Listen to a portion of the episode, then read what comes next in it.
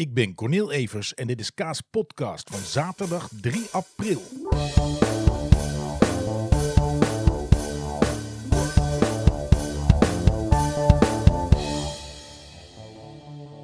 Yes, daar zijn we weer. Hallo allemaal. Fijn dat je luistert. Ehm, ja, het is zaterdag, einde van de week. Het einde van de week. En eh, het was een leuke week voor mensen die politiek volgen. En daar is zoveel over gezegd dat ik er gewoon niets meer over ga zeggen. Al was het maar omdat ik het me wellicht verkeerd kan hebben herinnerd. Hoe het allemaal is gegaan. Nee, ik ga er één ding over zeggen. Ik vind uh, Rutte uh, als minister-president, uh, nou ja, weet je, dat kan die. Da daar is hij goed in om algemene dingen te zeggen en ze over te brengen. Ik vind de politiek van de VVD vind ik niks. Laat dat duidelijk zijn. En wat ik verder vind, is dat er zoveel ophef nu was.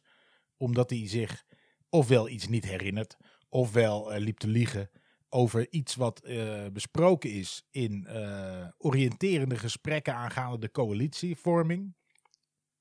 Dat ik denk, jongens, ik, ik vond het niet in verhouding staan tot het gedoe wat er was uh, na de toeslagenaffaire. Of naar die bombardementen in Irak. Of naar de, de, de vergeten bonnetjes affaire van Teven, de Teven-deal. Weet je, oké als je hem nu aanpakt, prima, maar een beetje buiten proporties vond ik het ook. En uh, mocht dit ertoe leiden dat de VVD minder uh, machtig wordt, prima. Dikke vette prima. Dus uh, ga vooral allemaal lekker je gang. Maar ik vond het een beetje overdreven. Tenminste, ik weet niet hoe jullie het hebben ervaren. En misschien heb ik mijn tijdlijn helemaal zo ingericht dat er alleen maar mensen zitten die politiek wel volgen. Misschien uh, interesseert het jou helemaal geen reet. Maar ik vond het allemaal een beetje veel gedoe om iets uh, waarvan ik denk, nou, we hebben toch wel ergere dingen meegemaakt. Toch? We hebben wel ergere dingen meegemaakt. Dus dat, dat is het enige wat ik over ga zeggen. Ik uh, vond het veel theater, veel mensen die voor het eerst in de Kamer zaten of ehm, een nieuwe positie in de Kamer moesten innemen omdat ze groter of kleiner zijn geworden. En uh, het was veel theater. En een beetje doorzichtig naar mijn smaak. Maar goed, uh, doe lekker je ding, dat is jullie werk. De campagne zit erop. En nu is dit. Uh, je eigen positie in die Kamer verstevigen. Dat is wel een beetje wat iedereen deed, naar mijn gevoel. Dus ehm, nogmaals, mocht dat ertoe leiden dat Rutte minder, een mindere positie heeft, vind ik dat dikke prima. Maar boos mensen erom werden, dacht ik, ja, dat had je eerder moeten doen. Dat had je eerder moeten doen. En in ieder geval niet zo verbaasd over het feit dat hij zich dingen niet weet te herinneren als het erop aankomt. Hè, want dat kennen we van de meneer. Oké, dat dus. Punt. Dikke vet punt. Punt. uh, wat is er deze week nog meer gebeurd? Ik uh, heb natuurlijk weer een ode moeten maken voor een berg sport. Nou, dat kon even niet gaan over een wedstrijd. Want afgelopen weekend speelde Oranje uh, niet, een, uh, niet FC Utrecht, dat is morgen weer. Morgen spelen we tegen ADO Den Haag uit. ADO staat nummer allerlaatst. Dus dan weet je in Utrecht nooit hoe het zal gaan. Maar deze keer verwacht ik echt dat we er op en over zullen vliegen. Want ADO heeft wel echt het slechtste elftal van de eredivisie op dit moment. Um, het is gewoon geen elftal, het is geen team. En uh, ook Utrecht zal daar gewoon op en over gaan. Daar ga ik echt dik van uit. En anders horen jullie later dat ik moet zeggen: shit, ik had het verkeerd. dus ik ga er morgen lekker voor zitten. En uh, dan zien we wel. Maar goed, daar ik kon dus niks schrijven over, um, over dat. Over een wedstrijd. Wat ook wel eens lekker was. Want ik moest even kijken naar randverschijnselen. Zo kwam deze week ineens in mijn tijdlijn naar boven. Dat het precies twee, twee jaar geleden was dat we met Utrecht thuis tegen Feyenoord wonnen. Uh, met 3-2. Dat was in de aller, aller, aller, allerlaatste seconde van de wedstrijd. De extra tijd zat er al op en uh, er werd een vrije trap genomen. Bazoer krijgt op een gegeven moment de bal. Die schiet hem prachtig. Prachtig schiet hij maar net op de paal. En toen was er één iemand die op stond te letten. Want iedereen stond een beetje verstijfd van, nou, dit was de laatste actie. Het zal wel. En Timo Letje, toen nog van ons, nu bij AZ. Die rent door en kopt die bal heerlijk binnen. En dat was de ontlading. Een ontlading die ik zelden heb meegemaakt. En hoe kwam dat nou? Uh, die dag uh, herdachten we in Utrecht de tramaanslag in het stadion. En uh, waarom had dat zoveel impact? Natuurlijk doordat iedereen in het stadion wel via via iemand kent die erbij betrokken was. Omdat ja, Utrecht is toch een gemeenschap. Um, Iedereen heeft in spanning gezeten. Kinderen moesten op school blijven, mochten niet alleen naar buiten. Het was ja, een spannende dag. dus daarom al, maar ook omdat de KNVB destijds een paar dagen daarvoor, toen die trainerslag was gebeurd, ehm, niet een minuut stilte wilde houden voor de slachtoffers. Waarvan de één bij de KNVB in dienst was. Hè, dat was gewoon een lid, of nee, een dienst, dat is niet waar, een lid van de KNVB. En uh, dat heeft toen zoveel pijn gedaan, ook de uitleg toen, uh, dat het niet in het protocol paste. Terwijl later wel, um, en geheel terecht, hè, uh, ik weet bij Johan Cruijff werd er wel gedacht. Uh, in mijn herinnering was er met Eberhard van Laan ook iets. En terecht, nogmaals terecht. Maar bij de trainaanslag niet, dat kon echt niet. En in Utrecht hebben wij, uh, ondanks dat er protocollen waren, hebben wij dat wel herdacht toen heel mooi. Bij de opkomst geen Eye of the Tiger, maar Amazing Grace gezongen door een zangeres. Dus heel statig, heel stil, verstild, a cappella, één stem en, en iedereen kwam op. Iedereen was stil in het stadion. later een prachtige minuut stilte met vier fakkels die symboliseerden de, de, de, de, slachtoffers. En later in de 18e minuut, omdat het om 18 maart gebeurd was, um, was er weer een minuut, was er een minuut applaus. En ook de spelers deden er mee en iedereen. Het was echt prachtig, prachtig. Dus die wedstrijd had alles. Alles, alles wat voetbal mooi maakt, verbindt. En uh, nou goed, dat was twee jaar geleden. Dus daar begon ik de ode mee. En ik ging daarna, was het een kleine stap om toch even over de KNVB te hebben. Die shirts die het Nederlands elftal droeg uh, Football Supports Change. Van wat betekent het nou in godsnaam? En doordat je nu een shirt zonder inhoud draagt. En ik zei het op rijm, maar ik zal het nu even kort uitleggen. Sta je straks uh, voor jezelf met een goed gevoel te dansen op de graven van 6.500 mensen die zijn omgekomen. Dus dat. En verder was er um, Ad van der Voort. Mensen die FC Utrecht volgen, die kennen Ad. Ad maakt het um, YouTube-programma Op Pad met Ad. Waar hij uh, spelers interviewt, uh, mensen rondom de club interviewt, uh, specials maakt. hij gaat met zijn camera op pad en hij maakt op zijn manier fantastische dingen. Ad is iemand die in het leven qua gezondheid niet het meeste geluk van de wereld heeft gehad. En op dit moment gaat het heel erg slecht met hem. ik kreeg net of gisteren een berichtje dat er weer iets van hoop is. Wat heel fijn is. Maar goed, ik heb hem ook genoemd in de, in de ode. Omdat ik vind dat ja, hij verdient het steuntje in de rug. En dat vinden heel veel supporters. En getuigen ook dat zijn hele kamer op het ziekenhuis vol hangt met ansichtkaarten uh, van FC Utrecht supporters.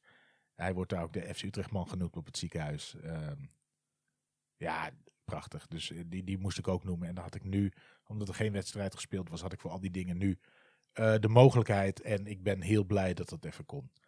Dus dat heb ik gedaan. Vandaag, en ik kom er eigenlijk net vandaan, had ik een afspraak gemaakt. Hè, want je moet je in, in, inschrijven. Om uh, mijn ogen opnieuw op te laten meten. Omdat ik de laatste tijd merkte, ik word een oude lul. En le kleine lettertjes worden alleen maar kleiner. En ik, ik, ik moet vaak, ik heb een bril. Maar vaak als ik op een filmset sta, heeft die rol geen bril. Dus dan doe ik die dag mijn bril af. Want ik kan in principe dingen wel zien. Ik heb niet een heel erg sterkte, maar ik heb cilinders in mijn ogen. Um, en, en dat houdt in, als ik het heel simpel probeer uit te leggen, je hebt allemaal spiertjes die, uh, die, uh, die je pupil uitrekken of de, de, de lens op de lens oprekken en, en laten krimpen wanneer dat nodig is. En bij mij zijn de, en ik weet niet precies welke, maar volgens mij zijn de, de verticale spieren sterker dan de horizontale, waardoor je een soort ovaal in je lens krijgt. En op zich kan je dan gewoon kijken Alleen moeten die spieren heel hard werken om het toch rond te krijgen. Om, om je lens toch goed rond te krijgen. En uh, als je dat dus een hele dag, als ik dan een hele dag zonder bril, dus zonder lenzen waar die cilinder in verwerkt is, dan uh, krijg je gewoon hele luie ogen. En de laatste tijd kreeg ik daar meer last van dan vroeger. Vroeger kon ik zo'n dag prima zonder bril en dan deed ik hem daarna weer op en was alles oké. En nu heb ik daar iets meer last van. Dus ik dacht, ik wil op de set daar geen last van hebben. Dus wat heb ik nou gedaan? Ik ben daar voor een meting geweest, maar om lenzen te nemen. En ik weet niet hoe jullie daar tegenaan kijken. En veel van jullie zullen lenzen hebben. Maar ik heb altijd ook uh, dat beeld in mijn hoofd. van mensen die je ziet, die dan een lens op een vinger hebben. Even in de mond doen en terug in hun oog douwen. Of voor die mensen die een lens kwijt zijn en dan zit die ergens in die oogkast verstopt. dat was een beetje de reden dat ik er nog niet eerder aan was begonnen. Maar nu dacht ik, ja, ik heb gewoon, soms moet ik gewoon uh, mijn bril af. En uh, nou ja, weet je, wat zou het fijn zijn als dat gewoon nooit meer hoeft. Dat ik altijd even goed zie en dat is gewoon een stuk relaxter. Dus ik heb nu uh, mijn ogen op laten meten. Dan krijg ik over een week, anderhalve week, krijg ik een belletje van, hey, die lenzen zijn er. Dan krijg ik les in hoe je dat moet doen. oh. Krijg een, ik ga naar een hele goede opticien, moet ik heel eerlijk zeggen. Ik ga naar een, vrij dure, maar wel met heel veel service en heel veel nazorg en uh, heel veel, weet je wel, je, uh, door die cilinder kan ik niet zomaar bij de HEMA bij wijze van spreken een bakje lenzen kopen voor de rest van het jaar. Hè, want daarvoor zijn ze te speciaal, moeten ze geslepen zijn of weet ik veel hoe dat werkt. Het is niet gewoon min 1 of plus 1 of uh, dat, dat, dat is het gewoon niet. Um, dus dan krijg je les. en uh, toen ging ik ook navragen van ja, wat vind je nou de voordelen van een harde lens en een zachte lens. En een harde lens, dat is dan, die kun je een jaar of twee jaar soms zelfs met dezelfde lens. En het is iets veiliger omdat blijkbaar, niet zozeer omdat het veiliger is, maar je merkt eerder als zo'n veldje op zit, dan is het irritant. Dus dan doe je hem uit, maak je hem schoon en dan doe je hem in. En bij een zachte lens voel je dat minder of zo. Um, maar goed, zachte lenzen zijn er weer relaxter. Die voel je niet de hele dag zitten. En uh, ik ga zachte lenzen doen. dus uh, ja, ik ben heel benieuwd, man. Ik, ik moet ook heel erg dan elke dag ze schoonmaken en niet vergeten ze uit te doen s'nachts. Dus ik hoop dat dat me lukt. Ja, dat moet tegenwoordig lukken. Vroeger was ik daar slechter in. Nu denk ik dat ik dat kan. En uh, dat moet ook echt. Want anders uh, beschadigt je hoornvlies of weet ik veel wat. En dat moeten we niet hebben. Dus uh, lenzen. Dus dan word ik een brilloos figuur weer. Moet ik even aan wennen. Maar goed, dat is dan zo en ook wel prettig als dat de hele dag werkt. Oh ja, uh, we gaan over die voordelen en nadelen. En op een gegeven moment, oh nee, ze deed een testje. En ik weet niet, om te kijken of je beschadigingen op je oog hebt. Want dan uh, kan een lens uh, misschien niet zo goed werken. Dus een testje en dan deden ze een soort oranje vloeistof in je oog. Moet je een paar keer knipperen, dan is het een beetje oranje allemaal. En ik heb het zelf niet gezien in de spiegel, maar toen zei ze, ja, dan kunnen we kijken of er beschadiging is. En toen zei ik tegen haar, haar en ik deed alsof ik haar was. En ik zei, ja, ik zie het al, een leverbeschadiging. dan krijg je ook gele ogen. Vond ik grappig. En zij was druk bezig met het werk, maar ze kon er wel op lachen. En één ding nam ze me te serieus, dat ze zei van, ja, je hebt natuurlijk meerdere voordelen aan, aan, uh, aan lenzen. Weet je wel, nu met mondkapjes moet je toch steeds je bril afdoen of ze beslaan. En dat heb je dan straks niet meer. En toen zei ik, ja, het is ook echt handig met vechten, weet je wel. Dat je niet de hele tijd tegen iemand hoeft te zeggen, hey, hou mijn bril even vast, ik vlieg erin. Zei, nee, maar je moet beter niet. ik zei, nee joh. nee joh. nee, ja, je krijgt, nou, je, vroeger zeiden ze toch, je mag iemand met een bril niet slaan. Dus misschien is de kans wel groter dat je dan een keer gedoe krijgt. Nee, dat telt alleen op schoolplein. Maar goed, het was leuk, aardige mensen. En je zit daar en doe je zo'n oogmeting. En moet je zeggen, is deze beter of is deze beter? En dan één of twee. En soms was het helemaal niet beter. Maar uh, ik heb blijkbaar hele goede ogen, want ik kon een hele kleine lettertje wel lezen met een lens. Dan blijkt dat je in basis heel goede ogen hebt of zo. Maar er was toch van alles verkeerd, waardoor ze niet zo goed zijn. maar goed, uh, prettig als dat er straks is. En uh, ik ben benieuwd, man. Ik moet er eerst oefenen, eerst twee uur ze in, en dan een keer vier uur ze in, en dan zes uur, en dan kijken ze hoeveel dagen per week doe je ze dan in? Want uh, je wilde ook nog een bril bij. Ik zei, nou, ik ga uit van zeven dagen. Oh ja, nee, nee, nee. Ja, dan moet je wel goed opletten. Ik heb ook een briefje gekregen dat je zelf al moet oefenen met een, iets met een vinger in je oog te houden of zo. ah, dat wordt mijn leven. Maar goed, hè? Wel fijn als je dan weer prima kan zien. Ja, toch. Dus uh, lenzen, man. Wel even wat anders. Ik uh, was altijd een beetje, nou niet angstig voor of zo. Dat dingen mijn oog duwen, dat lijkt me geen probleem. Maar meer dat hij zo, dat je wel ziet dat mensen dat zo verschuift of dat soort dingen. Maar goed, we gaan het meemaken. We gaan het meemaken. Heb jij lenzen? Laat me weten hoe cool je dat vindt of hoe kut je dat vindt. Hè, dan, weet ik, dan kan ik me er een beetje op voorbereiden. Psychisch. Psychisch voorbereiden. Nou, uh, dat hebben we gedaan. Het was trouwens ook echt een uitje, want mijn vrouw die uh, had ook de ogen weer op laten meten. En die wil ook een nieuwe bril. Dus uh, het was een duur dagje vandaag, want het is tering duur allemaal. wat heb ik nog meer gedaan? Ik heb, vanmorgen was mijn zoontje weer bij zwemles en dan zit ik daar even te wachten. En toen heb ik de podcast, echt waar, ik vind hem zo te gek, van Theo Maassen, Ervaring voor Beginners. En vandaag zat Monique Hendricks, die zat er. Een actrice, Penosa, u kent haar vast. En was zo leuk zo leuk. Want het ging over acteren natuurlijk deze keer. Dat is mijn vak. Dus, uh, en ik, ik heb zelden meegemaakt dat iemand dingen zei waar, die ik zo herkende. In hoe ze tegen het vak aankeken. En hoe je dat uh, moet doen. Weet je wel, je hebt mensen die heel erg Stanislavski acteren. Dus die, als jij verdrietig moet spelen, dan moet je denken aan je...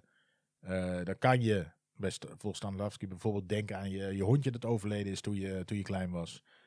En uh, dat, dat verdriet, dat speel je dan. Of dat laat je weer naar boven komen. En daardoor is het geloofwaardig dat je nu weer verdriet hebt. En wat zij zei, waar ik me heel erg in herken, want ik, ik doe dat ook niet. Ik doe dat niet.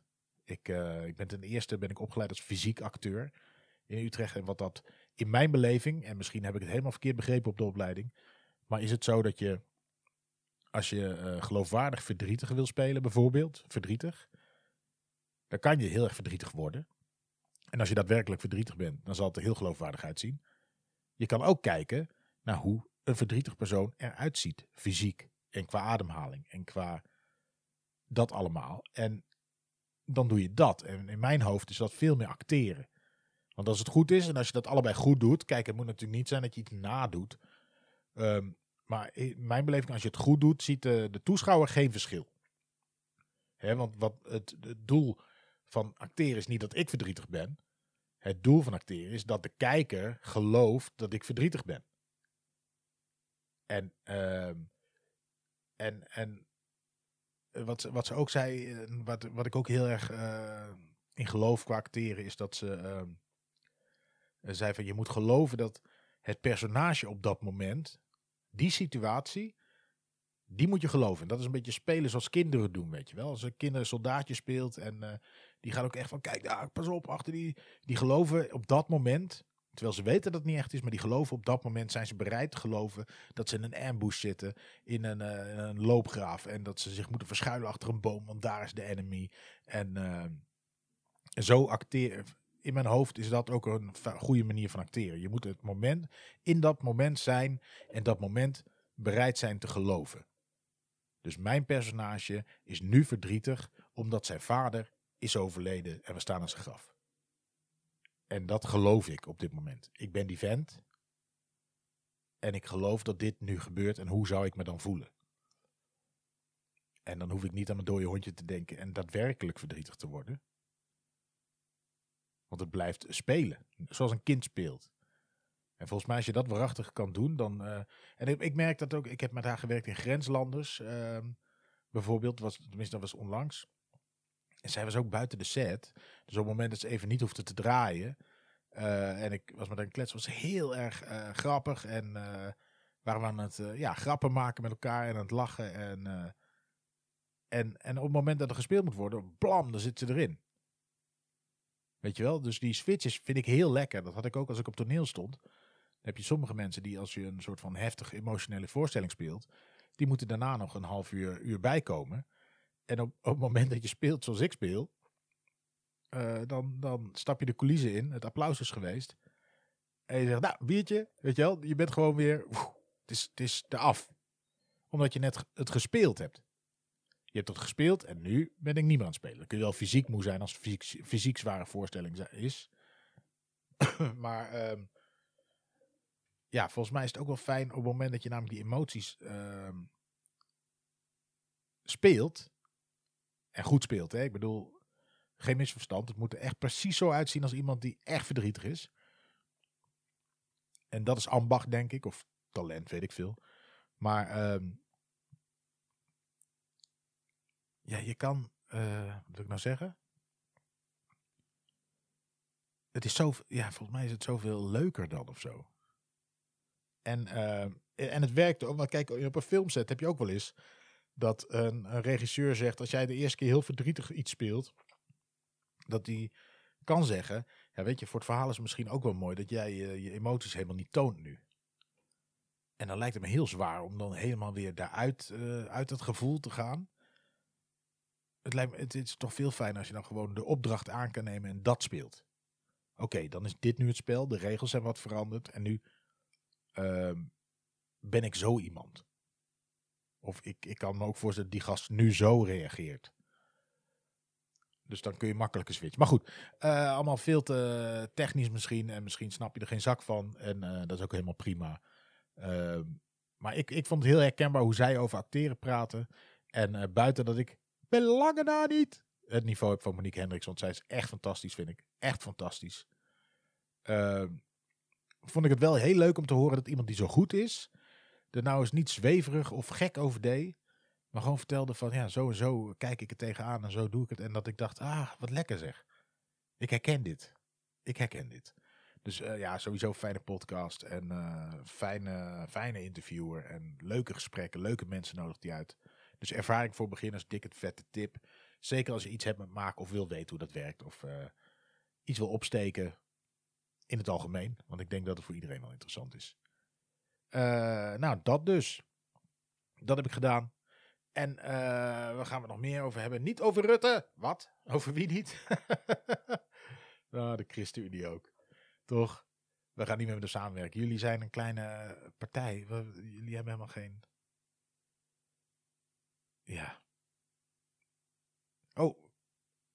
Had ik al verteld dat het uh, een onderzoek was geweest over dat vaccins, dat die blijkbaar als je die hebt gehad weet niet meer welk vaccin, maar er was een merk en die. Uh, dat dan, daarna je dus ook niet uh, meer het overdraagt. Dat is lekker nieuws, jongens. Dus dik blijft, dik blijft prikken. Uh, grote steden willen terrassen open. Ja, wie niet? Weet je, ik, ik, ik denk er twee dingen over. Ik denk dat het kan.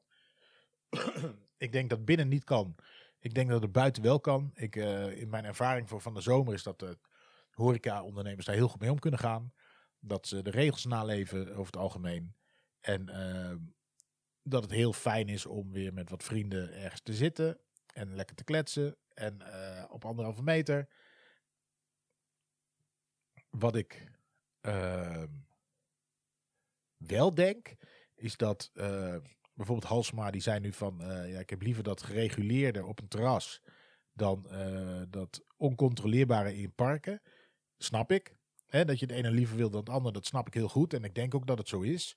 Dat je beter mensen kan hebben op het terras dan in een park. Ik denk alleen dat er wel een denkfout is. Ik denk dat een terras een beetje een luxe ding is. Want uh, een biertje op het terras is fucking duur. Dus er vallen al mensen af. Die gaan niet op het terras een biertje drinken. Want die kunnen dat geld echt beter gebruiken. Er is een bepaald uh, publiek wat sowieso liever in een park hangt dan op het terras. Dus, weet je, hoeveel terrassen zijn er nou? Als in een stad vol terrassen, hoeveel stoelen staan er nou daadwerkelijk op en hoeveel mensen lopen los in de stad? Er is maar een klein gedeelte van de mensen die überhaupt op een terras zit. Ook als alle terrassen vol mogen. Dat is maar een heel klein percentage van de inwoners van een stad of dorp. Dus ik denk dat je, uh, laat ik zo zeggen, goed idee, terrassen open. Als dat weer met dezelfde, op dezelfde manier gaat als in de zomer, uh, zie ik daar eigenlijk geen probleem in. Uh, dus dat vind ik best een goed idee en een leuk idee. En ik ben zelf niet een super terrashanger, maar ik zal heus een keer gaan. Um, ik denk wel dat het een denkfout is dat je daarmee een ander probleem oplost. Dat denk ik niet. Ik denk dat dit vooral uh, oké is voor horecaondernemers. Oké is voor een aantal mensen die uh, daar heel uh, ontspannen van worden. Ehm, voor die mensen is dit helemaal te gek nou ja, elk mens wat je kan helpen is, is er één. Um, ik denk wel dat er een denkfout wordt gemaakt. Ik denk dat er heel veel mensen. Weet je, op het moment dat het zomer is, zonder corona, dan zitten die parken ook ramvol. Die zitten ramvol in de steden en uh, de terrassen ook. Dus dat zijn ander, ander soort mensen die dat doen. En uh, ik, denk, ik denk dus niet dat het dat probleem oplost, laat ik het zo zeggen. Ik vind prima dat het gebeurt. Ik denk dat het goed kan. Uh, ik denk alleen niet dat de, de argumentatie klopt. Maar goed, boeien. Hè? Voor de ondernemers is dit prettig. Voor heel veel mensen die er plezier uit halen is het prettig. En eh, ik hoop dat het wel is dat er dan ook, dat je dan met meer dan één of twee personen, dat je ook weer gewoon met een groepje een tafel of twee tafels kan reserveren. Dat je echt op afstand eh, wat meer mensen kan spreken in één keer. Want het heeft toch een andere dynamiek dan één iemand tegelijk spreken. Uh, dus dat.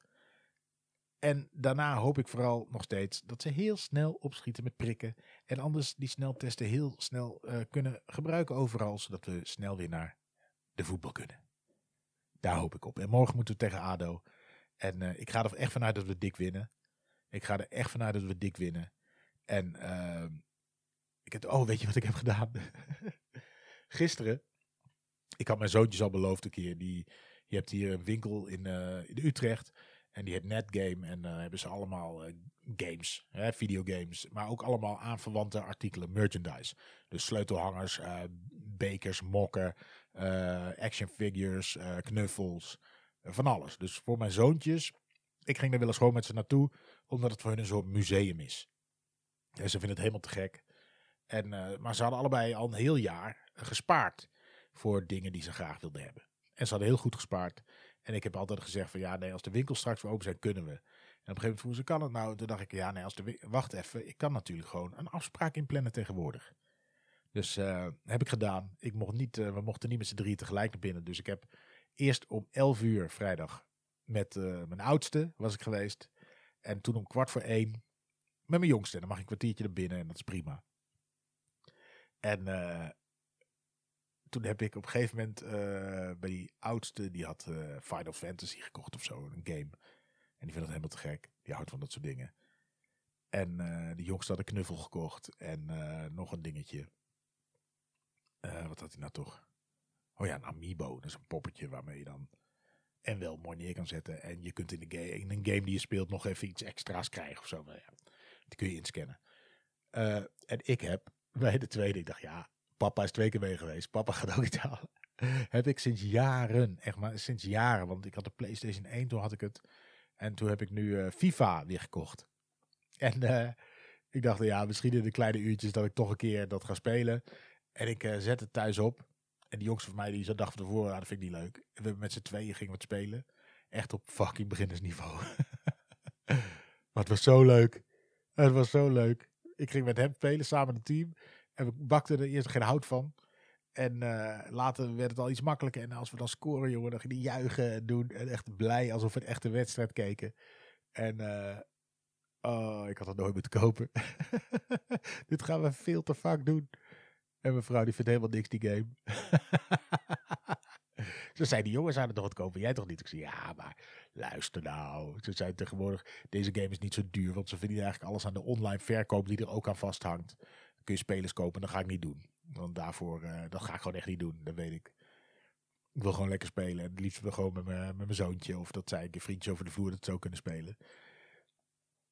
En het was zo leuk, jongen. Het was zo leuk. Dus ik uh, ben bang dat ik dat iets te veel ga doen de komende tijd. En dan ben ik het over een tijdje ook weer zat, hè. Zo zit ik ook in elkaar. Maar echt leuk. Echt leuk. Om samen, weet je wel, echt juichen op goals. Heerlijk. Uh, goed.